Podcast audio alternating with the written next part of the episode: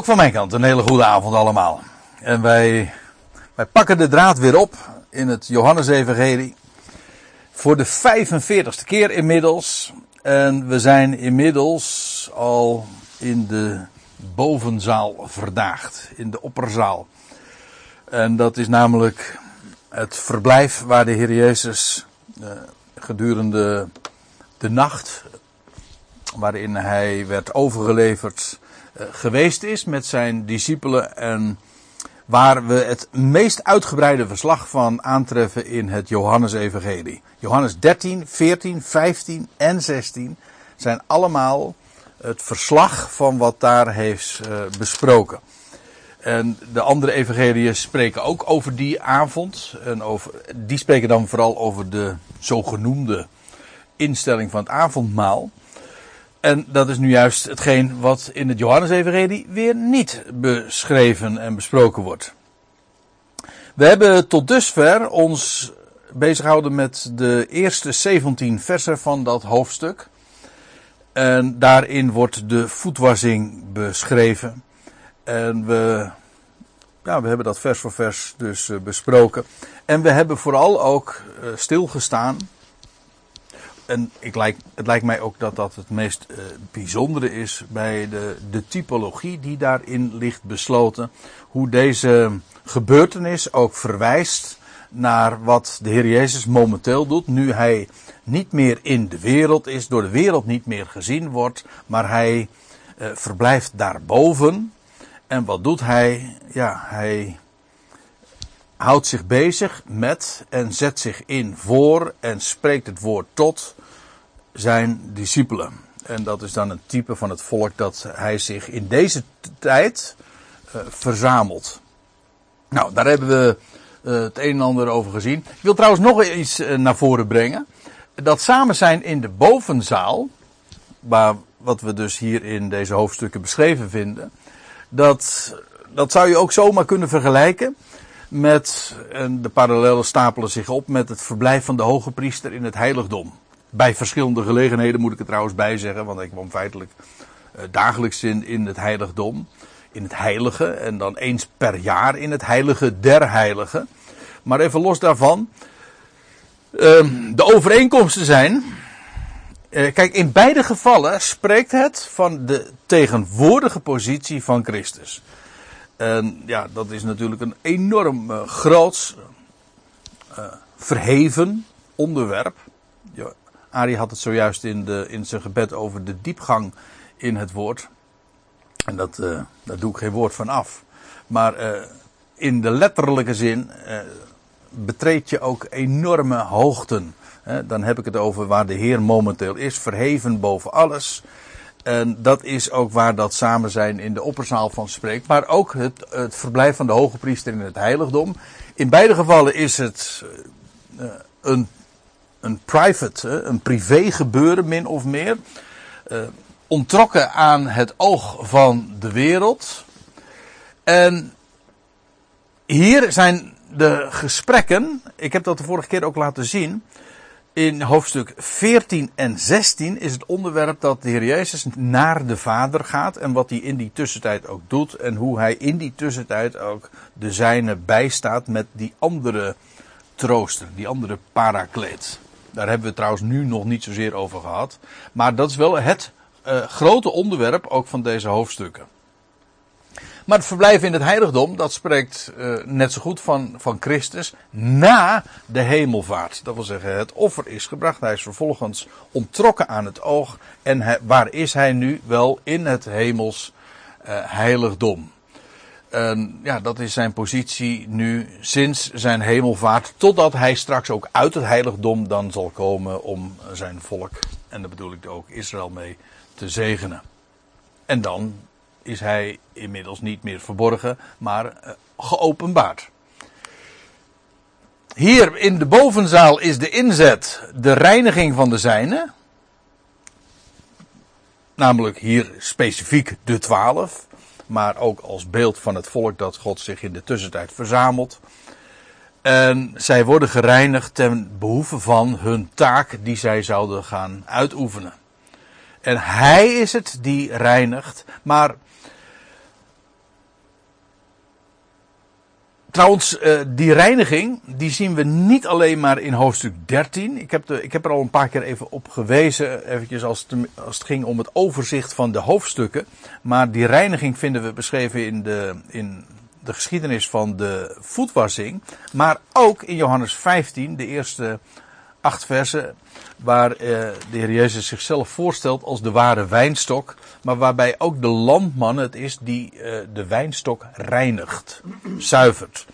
En, uh, dat en dan in de zin van snoeit. Maar in beide gevallen is er sprake van een reiniging. En zoals hier sprake is van reiniging van de zijne, namelijk ten behoeve van de taak die zij gaan uitoefenen, is het zo dat de hoge priester in het heiligdom eigenlijk ook daarmee bezig is. Want wat hij doet is, en het is uitgebreider dan dat ik hier beschrijf, maar dat zijn de, de hoofdonderdelen van wat hij dagelijks dan ook deed in het heiligdom. Namelijk de kandelaar die onderhouden moest worden, zodat hij zijn licht zou schijnen. Dus hij, de hoge priester stond ervoor garant dat de kandelaar zijn licht zou laten schijnen. En hij, uh, dagelijks ververste hij dan ook de olie of vulde hij het bij. En werd ook de pit uh, weer gereinigd. Gereinigd, ja. En hij zorgde voor de pit, ja.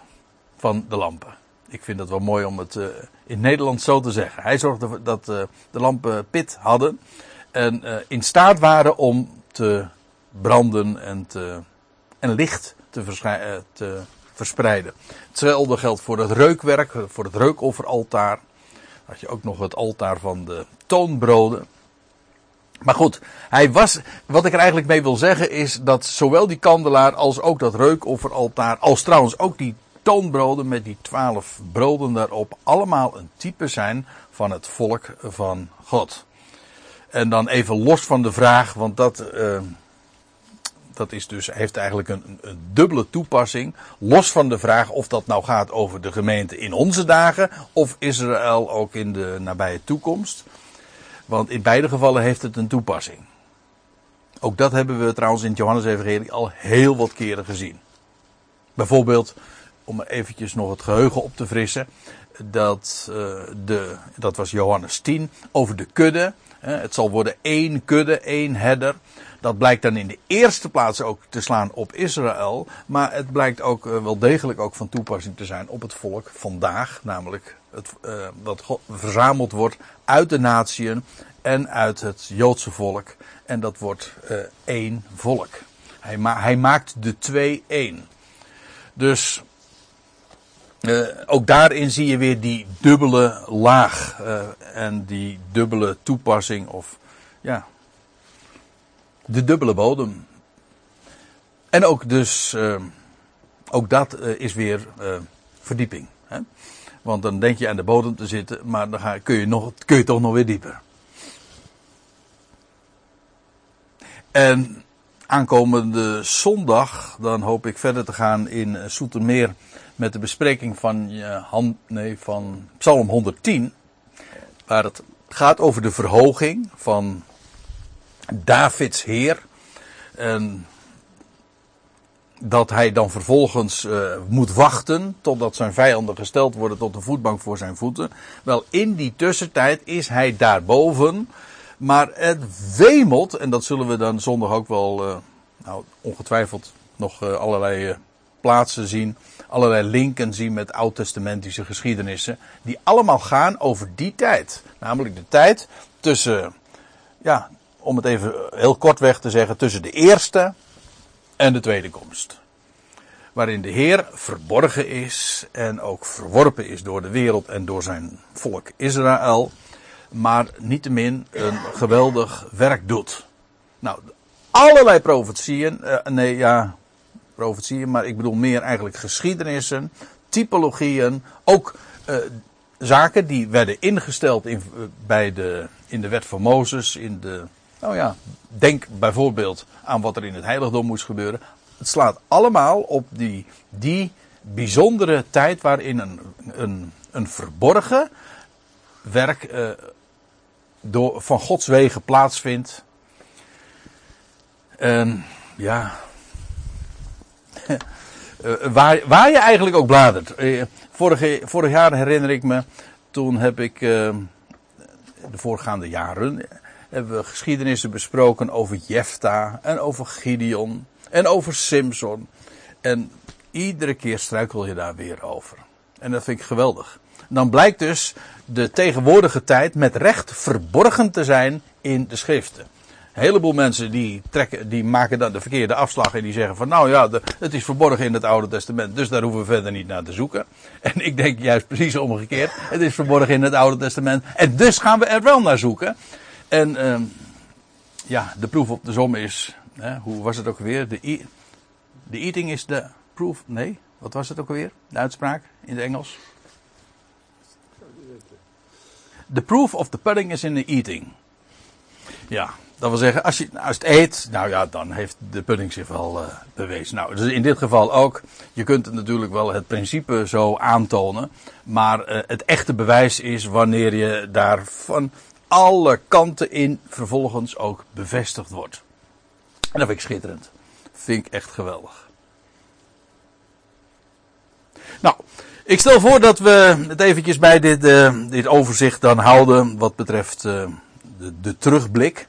Want nu hebben we inderdaad die geschiedenis uh, en het onderwerp van die voetwassing wel gehad. In mijn bijbeltje gaat het eigenlijk door dat pericoop tot vers 20. Maar eigenlijk in vers 18 begint al een nieuwe paragraaf. En ik pak daar ook de draad op. Ik zeg het niet omtrent of aangaande jullie allen. En dan zegt hij, ik weet wie ik uitkies. Uh, hij had namelijk zojuist, en dat moet ik er eigenlijk nog even bij zeggen. Want uh, als de Heer dan zegt van, ja, jullie noemen me Heer en Meester. En dat is terecht. Maar zoals ik jullie de voeten gewassen heb, dat zouden jullie ook elkaar doen. En dan zegt de Heer dat uh, met betrekking tot hen, maar niet met betrekking tot hen allen, want hij zei: Ik weet wie ik uitkies. En ook eigenlijk vanaf dit vers gaat hij Judas, nou niet zozeer aanspreken als wel over hem spreken.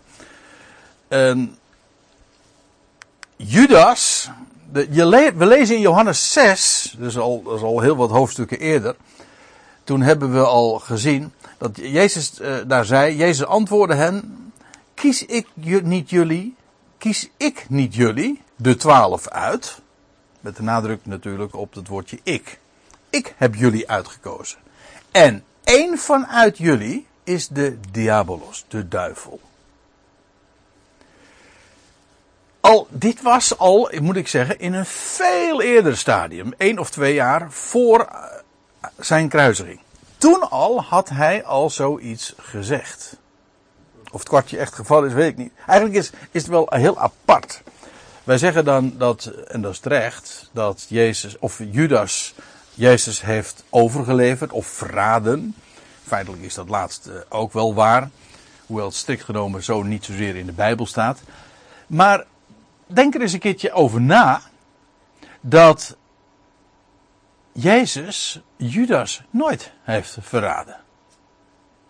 Ik bedoel, toen Jezus de twaalf aan het begin van zijn bediening, dus rondom zijn doop in de Jordaan, heeft hij de twaalf uitgekozen.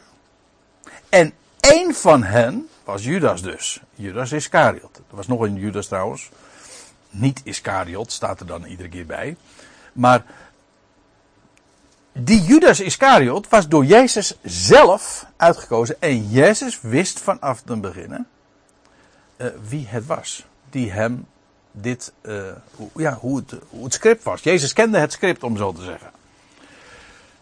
En hij had hen ook met het oog daarop uitgekozen. En nooit heeft Jezus zijn naam genoemd of uh, ja, hem verraden uh, of hem in een fout uh, of in een, in een daglicht gesteld. Door hem uh, ja, al in een vroeg stadium aan de kaak te stellen of zoiets. Heeft hij nooit gedaan. Maar de Heer wist wie hij uitgekozen heeft. Wij zeggen wel eens trouwens dat uitverkiezing altijd is met het oog op een taak. En dat is volkomen terecht. En in dit geval, en meestal denken we dan ook aan een geweldige positieve taak. Maar dat hoeft dus niet. Ik bedoel, Jezus heeft. Uh, nou, nou, laat ik een anders voorbeeld geven. In het algemeen, uh, uitverkiezing. God heeft het volk Israël uitverkozen. Ja, om een volk te zijn van koningen en priesters. Ook wij zijn in Christus uitverkoren. Nou ja, to, tot weer een heel andere taak. Een veel hogere ook, letterlijk. Hogere, ja. Maar ook Judas was uitgekozen. Namelijk voor deze taak. Nou, we komen daar uh, nog wel even op terug. Maar het, is, het gaat er even om dat, uh, dat de Heer Jezus wist wie hij daartoe had uitgekozen. Maar opdat de schrift vervuld zou worden. En nou volgt een citaat uit Psalm 41, vers 10. Hij die, met mij, hij die het brood van mij koudt, heft zijn ziel, pardon, heft zijn hiel tegen mij op. En dat is een aanhaling uit Psalm 41. En dat is weer zo'n mooi voorbeeld. Want dat is een psalm van David. Maar naar aanleiding van het verraad van zijn raadsman Achitovel. Ik weet niet of je die geschiedenis kent, maar op een gegeven ogenblik pleegt zijn zoon Absalom een koep. En dan loopt zijn raadsheer uh, Achitovel over naar Absalom. Waarschijnlijk omdat hij dacht dat Absalom uiteindelijk toch betere kansen had. Die was erg populair onder het volk. Maar in ieder geval, die wilde zijn vader David van de troon stoten. En die Achitovel stond bekend om zijn, uh, om zijn wijsheid. Zijn broer waarschijnlijk niet. Want Achitovel betekent mijn broer is dwaas. ja, echt. Mijn broer is dom. Of, uh... Goh, je zal toch maar één van je zoons uh, zo'n naam geven. Waar is broer? En hij was nog wel raadsman ook. Ja, wacht even. Maar die, die Agitovel was een hele. Een, een, man die altijd goede raad gaf. Hij was. Uh, hij, je leest. Uh, ja, nou ja, het verhaal gaat nou te ver om, om die Agitovel te beschrijven. Maar wat ik eigenlijk zo frappant vind. Is dit Agitovel dat die behoorde zeg maar bij de inner circle van, van Davids leiding. En hij, David raadpleegde hem veel. en had hem ook hoog staan. En uitgerekend iemand uit zijn eigen kring, met wie hij dus het brood at, hè, die het brood van mij koudt, die flikt hem dat. Om het even zo te zeggen. En het eigenaardige, de, want de parallel gaat nog sterker. Dus de zoon van David ondergaat dit. Dat iemand uit zijn intieme vrienden hem verraad. Maar uiteindelijk toen Achitovel ontdekte dat uh, zijn plannen, zijn raad mislukte. Ja, nou ja, dat uh, gaat voet ver om dat er nu ook nog bij te gaan halen. Maar toen hij zag dat zijn raad mislukte, toen uh, heeft hij zichzelf verhangen. In Gilo. Ik ben er ooit eens geweest. Ik, ik had er een goede kennis van wonen. Het is tegenwoordig een moderne wijk in, grote wijk in het, in het uh, nieuwe Jeruzalem. Nou ja, nieuw. Ik moet altijd een beetje lachen als ik zeg in het nieuwe Jeruzalem. Maar ik bedoel niet in de oude stad, maar in de stad daaromheen. Dat is veel groter natuurlijk. Deze is opgebouwd, die andere daalt neer. Wat zeg je? Deze is opgebouwd, die andere daalt neer. Ja, ja, precies ja. Ja, zo zou je het moeten onderscheiden. Maar hij pleeg, toen hij dus zag dat zijn plan mislukte, toen pleegde die zelfmoord. Net als Judas. Dus het feit dat uh, de Heer Jezus dit ook aanhaalt, de schrift vervuld zou worden, niet eens zozeer omdat dit een profetie is. Want als je dat leest in Psalm 41 gaat het niet zozeer om een profetie, als wel om een beschrijving van historie. Maar ja, uh, Davids leven uh, loopt sowieso parallel hè, met dat van de zoon van David. Ook trouwens weer eerst gezalfd. Voordat hij daadwerkelijk koning is, eh, behaalt hij ook de overwinning op de grote vijand, de grote vijand. En dan een hele tijd, ja, dan is hij overal en nergens. En dan verblijft hij zo in het uh, onder, ondergronds. En wordt hij vervolgd door Saul, Saul, Saul. En uiteindelijk wordt hij koning. Ja.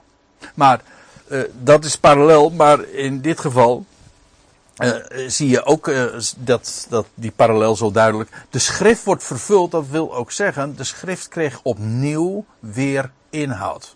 Het werd vervuld, het werd weer, kreeg het volheid.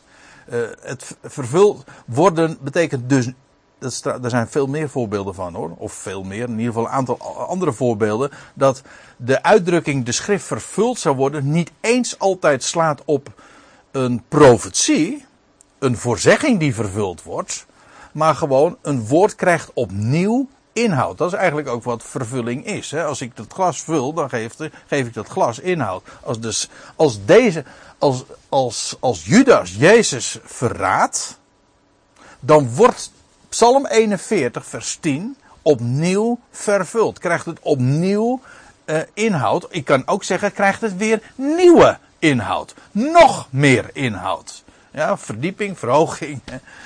Dat. Want eh, laten we wel wezen, ook de wet wordt vervuld.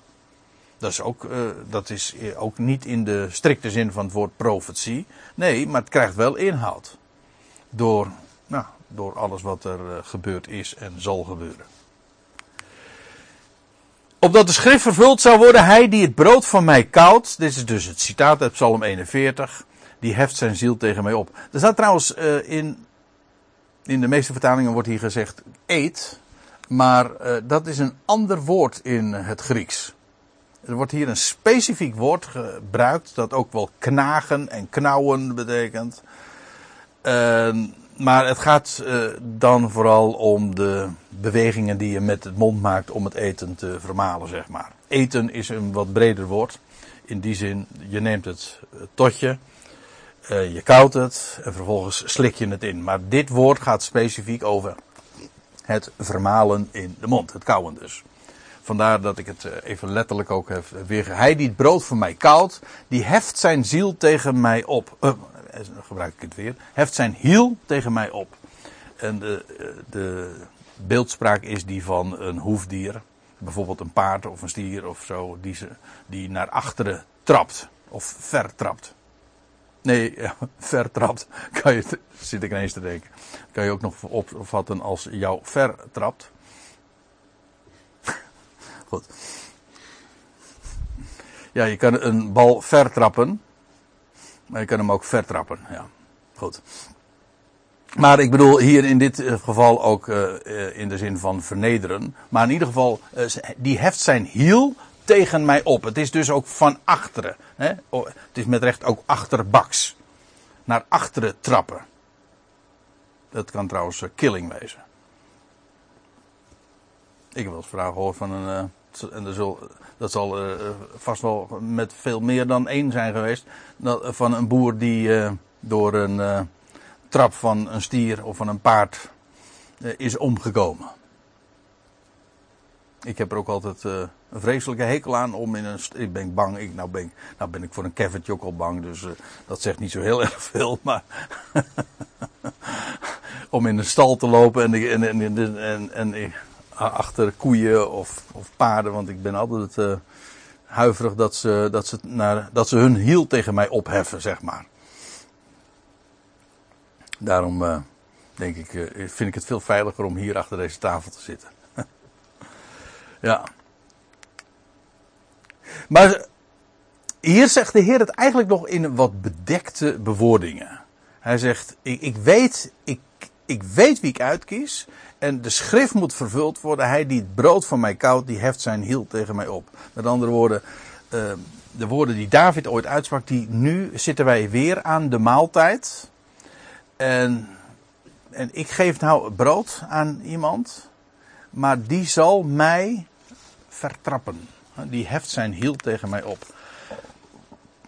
En dan zegt de Heer erbij in vers 19: Vanaf nu zeg ik het jullie voor het geschiet. Ja, vanaf nu zeg ik het. Eh, dat het slaat op de voorzegging van het verraad van Judas. Hij zegt: Ik zeg het nu al. Of ik zeg, nou, ik zeg nu al. Eigenlijk moet ik zeggen, ik zeg het nu pas.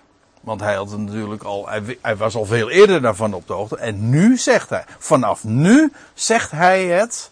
En namelijk ook, maar wel voordat het geschiet. Opdat jullie zouden geloven wanneer het geschiet. Dat ik het ben. En dat is in het algemeen een, ja, het bewijs, ook de legitimatie van het woord van God. Hoe weet je dat, het, dat de schriften het woord van God zijn? Ja, nou ja, ik heb, uh, daar kun je natuurlijk heel veel redenen voor. Ik heb, een, ik heb thuis een boekje van John Meldau, destijds uitgegeven bij het Zoeklicht. En het is een prachtig boekje. En dat heet 57 redenen waarom wij geloven dat de Bijbel het woord van God is. En dan wordt het allemaal zo, uh, ja, allemaal, redenen vernoemd waarom wij geloven dat de Bijbel. Ik heb het uh, boekje, heeft een, hele leuke uh, heeft een hele leuke inleiding. Mag ik het eventjes vertellen? Even, dat begint met, het, met een verhaaltje van een rechter die, ja, die begint de rechtszitting. En die vraagt aan, aan een jonge man van, zeg jonge man, uh, vertel me eens een keer, waarom is jouw vader hier nu niet van de partij? Nou, zegt die, zegt die jonge man, daar heb ik vijftien redenen voor. In de eerste plaats, mijn vader is drie maanden geleden overleden. En in de tweede plaats, uh, uh, zegt die uh, rechter, het is genoeg zo. Ik, ik hoef die andere reden niet te weten. Het feit dat je vader overleden is, is voor mij reden voldoende dat hij hier nu niet aanwezig is. Met andere woorden, en het boekje wil ermee ook zeggen, soms heb je helemaal geen 57 redenen nodig, maar is één reden al gewoon volstrekt helder en duidelijk en afdoende ook om te weten waarom iets zo is. Ja. Maar profetie is echt uh, het bewijs ook, dat vind je ook diverse keren, niet alleen in dit vers, maar ook in Jezaja, dat God zich op deze wijze ook legitimeert. Want geen mens kent de toekomst. Ik haal, haalde het, Therese weet het. Afgelopen zondag haalde ik het nog aan van een liedje van uh, Hey Sarah, Sarah, whatever will be, will be, the future's not ours to see. Ja, ik heb hem bij deze nog eens een keertje aangehaald. The future is not ours to see. Ja, dat is niet aan de mens om iets over de toekomst te kunnen vertellen. Dus als er sprake is van voorzegging, wel, dan moet dat dus inderdaad van goddelijke oorsprong zijn. Opdat jullie zouden geloven wanneer het geschiet en dat ik het dus ben. Van Gods wegen een profeet, de zoon van God, wie ik claim te zijn. Amen, amen. Voorwaar, voorwaar. We vinden dat in dit vers, het volgende vers geloof ik, nog weer een keer. En uh, Johannes Evangelie zegt de Heer dat uh, met enige regelmaat. En dat beklemt dan natuurlijk. Uh, het is een inleiding tot een, tot een hele belangwekkende uitspraak. En hij beklemtoont daarmee de waarheid ervan. Ik zeg tegen jullie, wie iemand ontvangt die ik zal zenden, ontvangt mij. Ik, ik neem dat uh, in dit geval ook heel letterlijk in die zin dat uh, de Heer zich nu richt gewoon tot, zijn, tot de zijnen, tot de twaalf. En dat zijn allemaal leerlingen, ja, maar hij zou hen gaan zenden. Of hij had al, al gezonden, maar in ieder geval, zij zouden, en dat is trouwens ook de naam van hun, wij kennen hen ook al zodanig als apostelen, maar apostelen betekent niks anders dan gezondenen of gevolmachtigden voor een bepaalde opdracht. Wie iemand ontvangt die ik zal zenden, en dan gaat het dus over in dit geval de twaalf, maar die en door de Heer zijn uitgekozen, maar ook dus uitgezonden. En eigenlijk moet ik het uh, zeggen, ze zijn uitgekozen om te worden uitgezonden.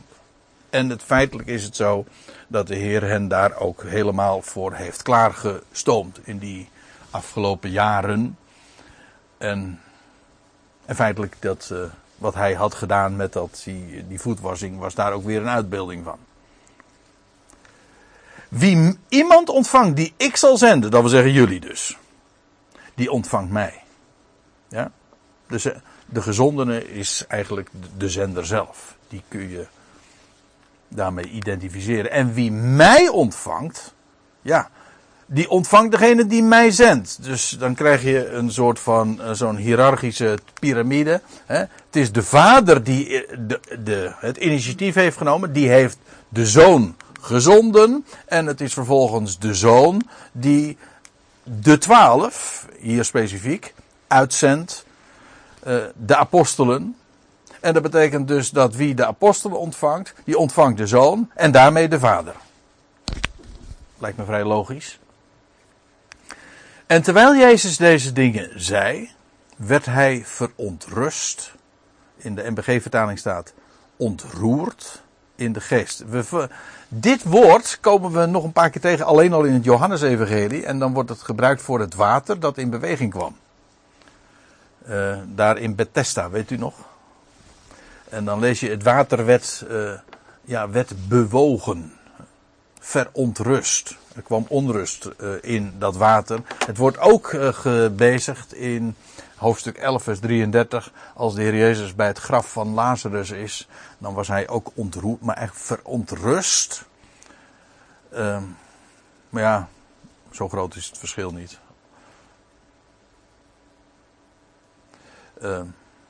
Eh, er ontstaat eh, ja, een gemoedsbeweging, maar roeren, ontroeren, daar zit ook het woordje roeren in. En beweging. Kortom, het is emotie. Emotie is eigenlijk ook niks anders. Denk aan het Engelse woordje emotion. Is ook niks anders dan beweging. Je kan eh, mensen die emotioneel stabiel zijn, dat zijn eigenlijk mensen die dus eigenlijk wat minder emotioneel zijn. Dat wil zeggen, minder beweging is er. Hè? Tenminste, als het gaat om de gevoelens.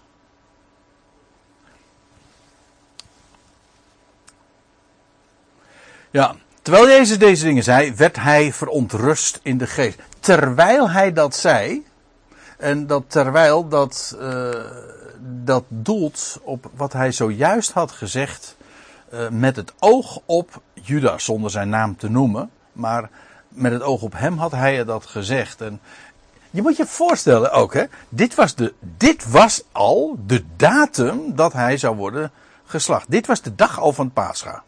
Of de, dag, eh, de datum van Pascha. De 14e. De 14e Nisan was inmiddels aangebroken. Nu heeft hij dit samen zijn afsluitend. Dus dat is voor Jezus sowieso al enorm een bewogen, emotioneel moment geweest. Dat, eh, Jezus wist wat hem te wachten stond. Maar wat hem in het bijzonder, en dat zie je hier, zo geraakt heeft, is dat iemand uit zijn, de kring van intiem, uit de twaalf, dat die hem dit zou aan gaan doen. En dan kun je zeggen van ja, maar dat, dat maakte toch deel uit van het script en zo. Jawel, maar hij was mens. Dus hij heeft dit ook ja, gevoeld en beleefd. Ik bedoel, hij heeft jarenlang met hem samengewerkt, met hem gesproken, gegeten en gedronken, en gelachen, gehuild, alles. Nou, dan is het toch, als je er dan aan denkt, ja, nu, eh Judas stond er zo ongeveer op het punt om de, om de opperzaal te verlaten. Dat zullen we straks ook lezen. Nou, maar Jezus is verontrust. En hij getuigde, dat is ook heel plechtig, hij getuigde en zei, ah, weer, amen, amen. Ik zeg jullie dat één uit jullie mij zal overleveren. En nu is de uitspraak natuurlijk veel explicieter dan, oh, ho- hoewel ook hier nog steeds niet de naam genoemd wordt. Maar nu, je zou nog kunnen zeggen dat die, de voorgaande uitdrukking over dat citaat uit de psalmen, dat dat nog wat, wat cryptisch is. Die zal de hiel tegen mij opheffen. Dat is nog wat beeldspraak. En het is... Maar nu wordt er iets gezegd. Ja, dat is gewoon heel uitdrukkelijk. Dat één uit jullie, gewoon jullie twaalf, mij zal overleveren. In de zin van ook overleveren. Ja, er staat, is, ik zie het trouwens hier. Ehm, die zal mij verraden. Dat is. ik weet niet of we het daar al eens een keer over gehad hebben. Ik dacht het wel. Maar Dat woord verraden wordt meestal in verband met Judas gebruikt. Maar het, het is het woord overleveren. Dat is toch wat anders. Je leest ook dat, de dat God zijn zoon heeft overgeleverd. Nou, niet verraden. Nee, het is overge- overgegeven namelijk aan de wereld om met hem te doen. Dus er zit niet per se in dat woordje overleveren, zit er niet een per se, in het woord zelf bedoel ik, een, een negatieve klank. Eh, je leest trouwens ook dat de Heer Jezus zich overlevert voor de Ecclesia, Efeze 5. Dan wordt ook dit woord gebruikt. Hij geeft zich daaraan over. Maar goed, hier is het natuurlijk heel duidelijk. Een van jullie zal mij overleveren, namelijk aan de Joodse autoriteiten eh, om te worden gekruisigd. Dat staat hier nog niet bij, maar wel één uit jullie zal mij overleveren. Nou, dan staat er, de discipelen keken elkaar aan, verlegen, of in het eh, MBG staat er in het onzekere. Ze wisten niet wat, eh, wat hij bedoelde, of ja, vooral wie hij, nee, niet wat hij bedoelde, wie hij bedoelde. Daar staat er ook, de discipelen keken elkaar aan, verlegen omtrent wie hij sprak. Eh, onzeker, perplex. Eh, je, in de andere evangelie wordt dat nog wat eh, meer uitgezoomd. En dan, dan, dan lees je als Jezus dat gezegd heeft. Zowel in het Matthäus als in het Marcus evangelie staat er dat, ze, dat enkele van hen dan zeggen. Heer, ik ben het toch niet? Ik ben het toch niet? Staat hier niet bij. Hier staat in het algemeen, de discipelen keken elkaar aan en ze waren onzeker of verlegen omtrent wie hij sprak. Eén uit zijn discipelen uh, lag aan tafel aan Jezus' boezem. Jezus had hem lief. Ja, nou moet je eerst even iets weten hoe dat ging met de tafel gebruiken. Eigenlijk wordt dat hier wel aangegeven. In de eerste plaats, ze zaten niet aan tafel, maar ze lagen aan tafel. Dus niet aan een en het idee is, men was gelegen aan een lage tafel en dan, dan uh, een, een, ja, een lage tafel met, en dan lag men op kleden of matrassen of een divan of ja, hoe dat maar heten mag. En dan is het zo, als je, de meeste mensen zijn rechts, men steunde op de linkerarm, gewoon, hè, om dan vervolgens met de rechterarm te kunnen eten. Dat betekent dat degene die rechts ligt, dus ligt aan jouw borst, aan jouw boezem. Dus je ligt zo aan, je ligt zo, uh, ja, dat is heel, uh, ja, het is maar wat je gewend bent. Ik weet niet, het, het schijnt trouwens vooral bij, bij een feestmaal dat er juist zo, uh, ja, het is in ieder geval heel comfortabel en heel rustig. rustig, hè? Het, het is nog comfortabeler dan zitten. Of makkelijk eten is weer wat anders. Maar in ieder geval, het gaat er even om. Degene die rechts ligt, die ligt dus aan de boezem van iemand. En de recht, degene die rechts ligt, dat is ook altijd de. Dat is ook weer een positie van voorrang natuurlijk en van eer. Je leest in Johannes 1 vers 18 dat niemand heeft ooit God gezien de enige geboren die aan de boezem van de vader is, dan wordt hetzelfde woord gebruikt. Die aan de boezem van de vader is, die heeft hem doen kennen. Dat wil zeggen, de Heer Jezus, eh, niemand heeft ooit God gezien, dat is één ding. Maar toch kennen wij God, namelijk via zijn zoon. En waar is die dan? Wel, die is nu aan de boezem van zijn vader. Maar dat, die uitdrukking is ook ontleend aan dit gebruik, namelijk dat je aan tafel ligt. En degene die dus naast jou ligt, die ligt aan jouw borst, aan jouw boezem. Uh, dit is het idee dus. Uh, zie het plaatje een beetje goed? Dit moet uit uh, een plaatje uit het, de wachttoren of zoiets zijn, denk ik, als ik zo kijk. die zijn altijd heel karakteristiek. heel mooi trouwens. Maar het gaat eventjes nu puur om, om de wijze waarop dat. Je ziet hier ook een soort van matrassen, een, lage tafel. En dan ligt men hier zo. En dan ligt men zo. Ja, steunend op de linkerarm. En je ziet hier dus, dit is, uh, ik word, neem aan dat dit dan de, de heer Jezus uh, moet voorstellen. En dit zou dan Johannes zijn. En die ligt dus aan zijn boezem.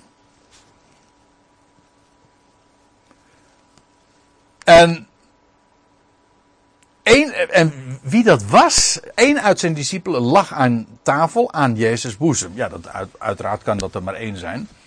En die had hem lief. Trouwens, er zijn hier vele uh, platen en afbeeldingen van. Zelfs, uh, want ik liet nou deze zien. Omdat hij wat duidelijk aangeeft hoe de tafelgewoonte dan was. Dat men aanlag. Maar uh, bekend is natuurlijk die van Michelangelo. van het laatste avondmaal. Hoeveel schilderijen en tekeningen, ertsen en dergelijke zijn daar niet van gemaakt.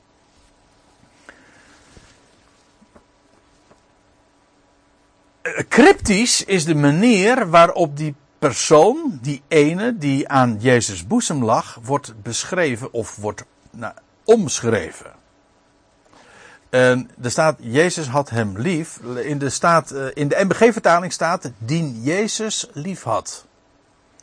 Dan moet je trouwens ook een beetje goed Nederlands kunnen spreken. Of in ieder geval een beetje op de hoogte zijn van de grammatica.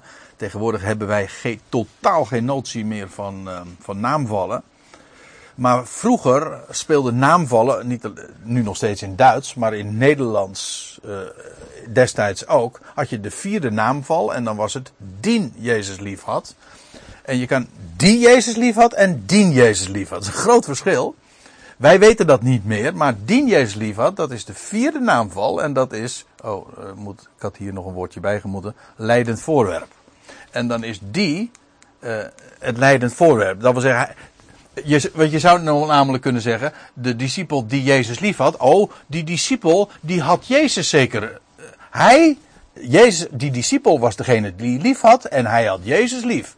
Nee, dien Jezus lief had betekent, hij werd geliefd als leidend voorwerp door Jezus. In de wijze waarop dat in de MBG staat uitgedrukt, dien Jezus lief had, is dat onmiskenbaar. En in de grondtekst is het ook volkomen helder. Alleen als ik nu zou zeggen van het was de discipel die Jezus lief had. Ja, dat, dat is dubbel. Dat kan je op twee manieren opvatten. Dan zou je kunnen zeggen hij. Dan als, als dat dan zo was, dan zou je hij die Jezus lief had. Hij ervoor. Jezus, hij. Die Jezus lief had. Ja, dat, ja, ja, dan moet je er iets bij zetten. Ja, precies, ja. Uh, vroeger konden, konden we het, juist door die naamvallen, konden we dat veel korter en preciezer aanduiden. De taal is er niet preciezer op geworden hoor.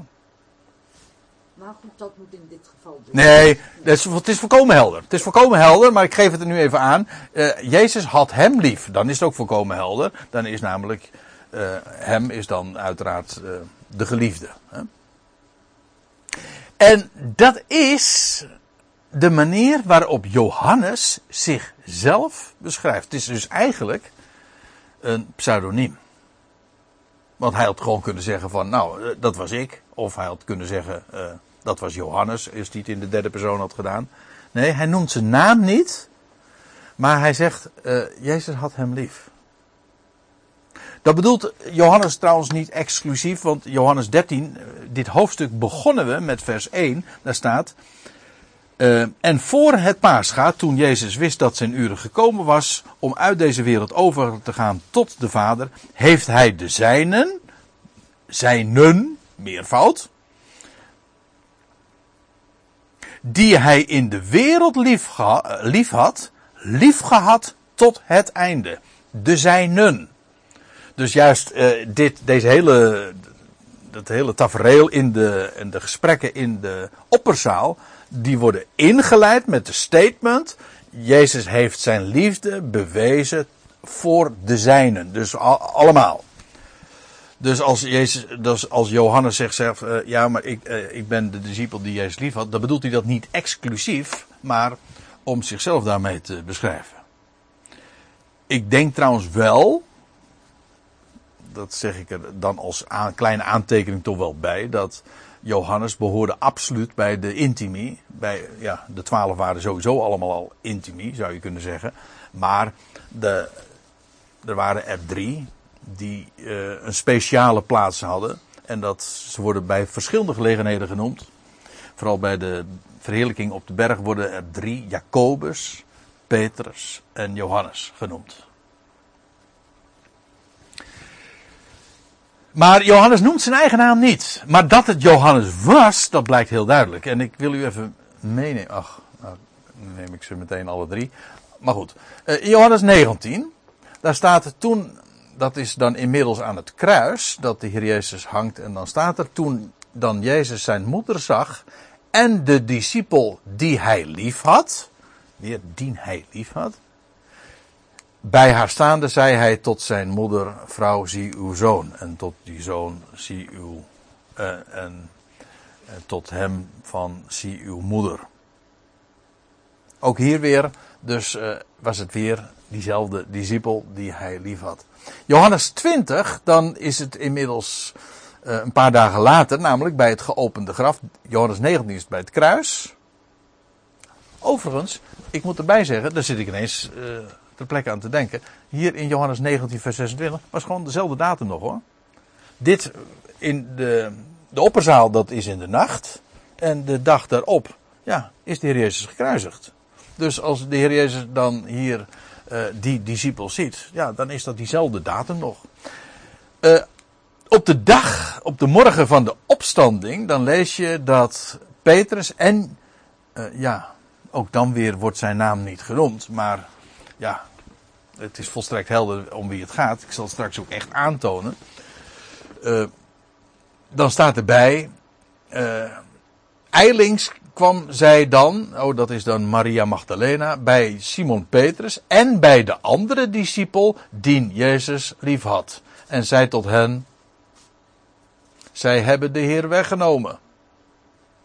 Hier weer, uh, het was weer een andere discipel en het enige wat van hem gezegd wordt, niet zijn naam, maar die Jezus lief had. En dan in Johannes 21, dan staat er, uh, oh dat is bij een andere gelegenheid, als ze dan inmiddels daar bij het meer van Galilea in de ochtend aan het vissen zijn. En dan staat er, die discipel dan, die Jezus lief had, zei tot Petrus, het is de Heer. Altijd weer trouwens die, dat tweetal, hè? Petrus, Johannes. En nou noem ik er nog één. En dat is eigenlijk wel het klapstuk. De laatste keer, maar dan is het ook volkomen helder. Uh, dit gerucht ging dan uh, uit onder de broeders dat die discipel niet sterven zou. Ja. Nou ja, nee, ik, ik zit er even te aarzelen om, om, de, om nou even de, wat de context te vertellen. Uh, over dat gerucht, daar gaat het nu even niet om. Maar het gaat even om die discipel. Uh, in, in ieder geval, onder de twaalf uh, deed het verhaal de ronde. Het gerucht, zei, men dacht, Johannes zou niet sterven. Want Jezus had gezegd, indien ik wil dat hij blijft totdat ik kom, wat gaat het u aan? Uh, maar Jezus had niet tot hem gezegd dat hij niet zou sterven, maar indien ik wil dat hij blijft totdat ik kom, wat gaat het u aan? Maar in ieder geval, wat uit trouwens ook wel weer zonneklaar blijkt, dat gedurende het leven van de twaalf men de verwachting had dat in ieder geval één van die twaalf nog de terugkeer van de Heer zou meemaken. En in zekere zin is dat nog gebeurd ook. Want Johannes heeft de openbaring meegemaakt. En is verplaatst in de dag van de Heer. Maar daar houden we ons uh, niet hier mee bezig, maar dat doen we dan weer in, uh, in Rotterdam. Vorige week was dat. Dus dat kunnen we nalezen. Ja. Als we precies willen weten. Oh, je bedoelt. Uh... Dan, kijken we, dan kijken we gewoon even naar de. Ja, nou. Ja, je kunt het. uh, Je kunt, het is nog live te volgen ook, want het wordt altijd uh, live uitgezonden. Ja, en, uh, en de, de, de MP3 staan gewoon op, op het internet. Ja, net als deze. Maar waar het me even om gaat, die, die discipel, dan staat er: Dit is de discipel die van deze dingen getuigt en deze beschreven heeft. Aha, dat is dus de discipel die dit allemaal op schrift heeft gesteld, geboekstaafd heeft. Dus dan weten we inderdaad, uh, de identiteit uh, kan niet missen. dit is gewoon Johannes. Er komt er maar één voor in aanmerking. Uh, ik realiseer me dat als je per se wil dat je eronder uitkomt, in die zin dat je kan zeggen, het staat niet expliciet. Nee, maar uh, impliciet, de interne aanwijzingen zijn zo, zo, zo zonneklaar dat het niet kan missen. En straks uh, heb ik er toch wel, nog wel eentje trouwens. Maar eerst even deze nog. Daar staat uh, Simon Petrus dan. We gaan weer even terug naar het verhaal. Hè? Eén uit zijn discipelen lag aan Jezus, lag aan tafel, aan Jezus' boezem. En Jezus had hem lief. Het was de discipel die Jezus lief had. Oké. En nu, dan staat er in vers 24, Simon Petrus dan knikte naar deze. Dat wil zeggen, Petrus die durfde niet hardop die uh, vraag aan Jezus te stellen. Maar via via. Kijk, hij zag Johannes, uh, ja, die lag daar aan de boezem van Jezus. Dus nou wenkt hij, hij knikt even, of ja, wat voor mimiek zal die gemaakt hebben. Uh, om vast te stellen wie het mocht zijn omtrent wie hij sprak. Met andere woorden, Petrus die wilde dat weten en die, zegde, die knikt. Hij, zegt het dus niet, hij fluistert dus eigenlijk. Hij, hij knikt naar, naar Johannes. Van, uh, vraag het eens, uh, om vast te stellen wie het mocht zijn omtrent wie hij sprak. Hij had ook gewoon rechtstreeks kunnen vragen, de heer, uh, zeg het eens, wie, wie? Maar het feit dat de heer zich tot dusver daar niet uh, zo over had uitgelaten, Peter zal gedacht hebben, dat gaat hij nu ook niet zeggen. Maar hij dacht van, als ik het nu via Johannes, die bij hem zit, even vraag, gewoon wenkt, dat, dat het me dan alsnog duidelijk wordt. Uh, Petrus knikt naar deze, dat is naar Johannes, waaruit trouwens ook weer blijkt, die twee, die, ja, dat waren twee uh, uh, hele dikke vrienden. En die, ze worden heel dikwijls samen genoemd. Ik heb, ik heb zojuist al een paar voorbeelden daarvan gegeven. Wat dacht u trouwens van Galaten 2 vers 9? En dan komt, en dan komt Paulus nog in het vizier. Want daar worden we, daar lezen we dat Paulus, als hij in Jeruzalem is, dan geeft hij de rechterhand der gemeenschap aan Jacobus. Was trouwens niet de Jacobus waar ik het net over had, maar wel diens naamdrager. Ik denk ook dat diens erfgenaam was. De broer van de Heer Jezus, ja, de broeder des Heren. En Kefas, maar de, Kefas is gewoon de Aramese naam van Petrus en Johannes. Sorry dat ik het even verkeerd heb geschreven. Maar ik bedoel Johannes dus, ja. Jacobus, Kevers en Johannes. En er staat er nog bij, die voor steunpilaren golden daar in Jeruzalem. Dus je had de twaalf, maar in die twaalf eh, was daar 25% eh, van hen, zeg maar, een vierde. Dat waren dus de vier poten onder de. Nee, ik zeg vier. Dus sorry, dat zijn de drie poten dan. Uh, onder de tafel. Ja, dat waren, dat waren de, de steunpilaren. En Paulus geeft ze dan de rechterhand. Ook hier weer Kefas en Johannes. Ook Paulus noemt ze zo uh, bij elkaar. Trouwens, in onze Bijbel hebben we ze ook achter elkaar. Je krijgt eerst de brieven van Petrus. En daarna krijg je de brieven van Johannes. Goed. Hè? Ja, eerst, ja, ja, eerst Jacobus. En dan Petrus. En dan Johannes. Dus de besnijdenisgeschriften gewoon allemaal keurig bij elkaar. Nou, even terug weer naar die opperzaal. Daar aan tafel, Petrus die knikt naar Johannes om vast te stellen wie het mocht zijn omtrent wie hij sprak. Deze dan, die zo aanleunde op de borst van Jezus, dat was Johannes dus, zei tot hem, uiteraard fluisterend. Dat blijkt uit het. Je zou eigenlijk het hele verhaal even moeten lezen, want dan wordt het volkomen duidelijk. Maar je begrijpt wel, hij knikt, hij wenkt, dus het ging allemaal even niet. Uh, iedereen hoorde dit niet. Hij zei fluisterend: Heer, wie is het? Dus Petrus die wenkt, Johannes, vraagt eens. Vervolgens is Johannes die vraagt aan Jezus: Wie is het? Jezus dan antwoordde: Degene, degene, diegene is het voor wie ik het hapje indoop.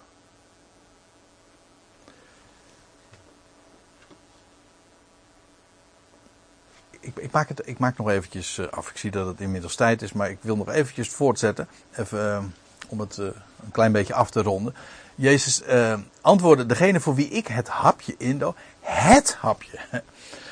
Uh, eerst even over dat bepaalde lidwoord. Het staat het hapje. Dus dat is heel bepaald.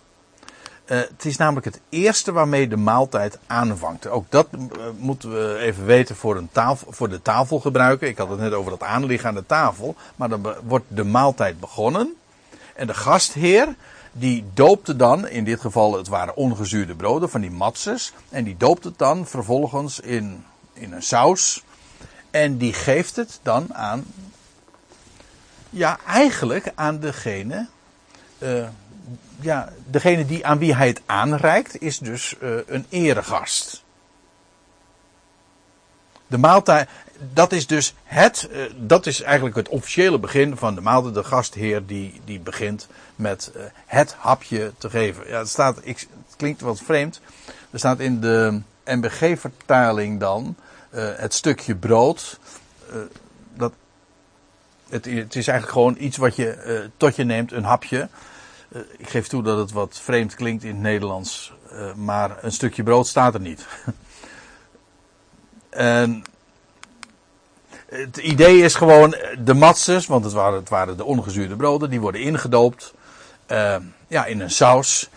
Er wordt trouwens in verband met Pascha gesproken over bittere kruiden.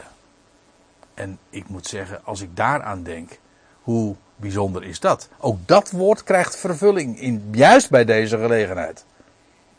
Want natuurlijk kun je zeggen van ja, maar die bittere kruiden die herinneren aan ooit de, uit, die, uit, de, uit de bittere tijd van, van de uittocht en, en, en de slavernij van Egypte. Ja, maar hoe bitter is het voor de Heer nu?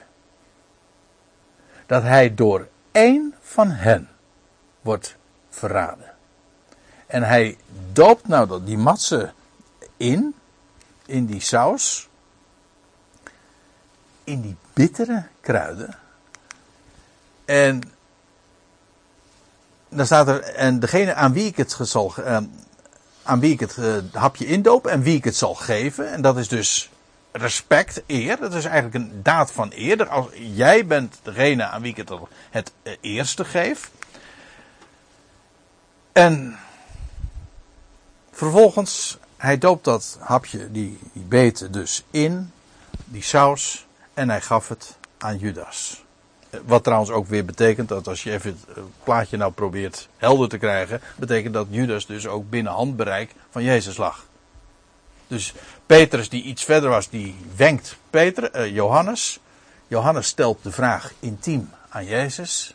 En Jezus zegt tegen Johannes, ook fluisterend, aan wie ik het hapje indoop en geef, die is het. En hij gaf het aan Judas.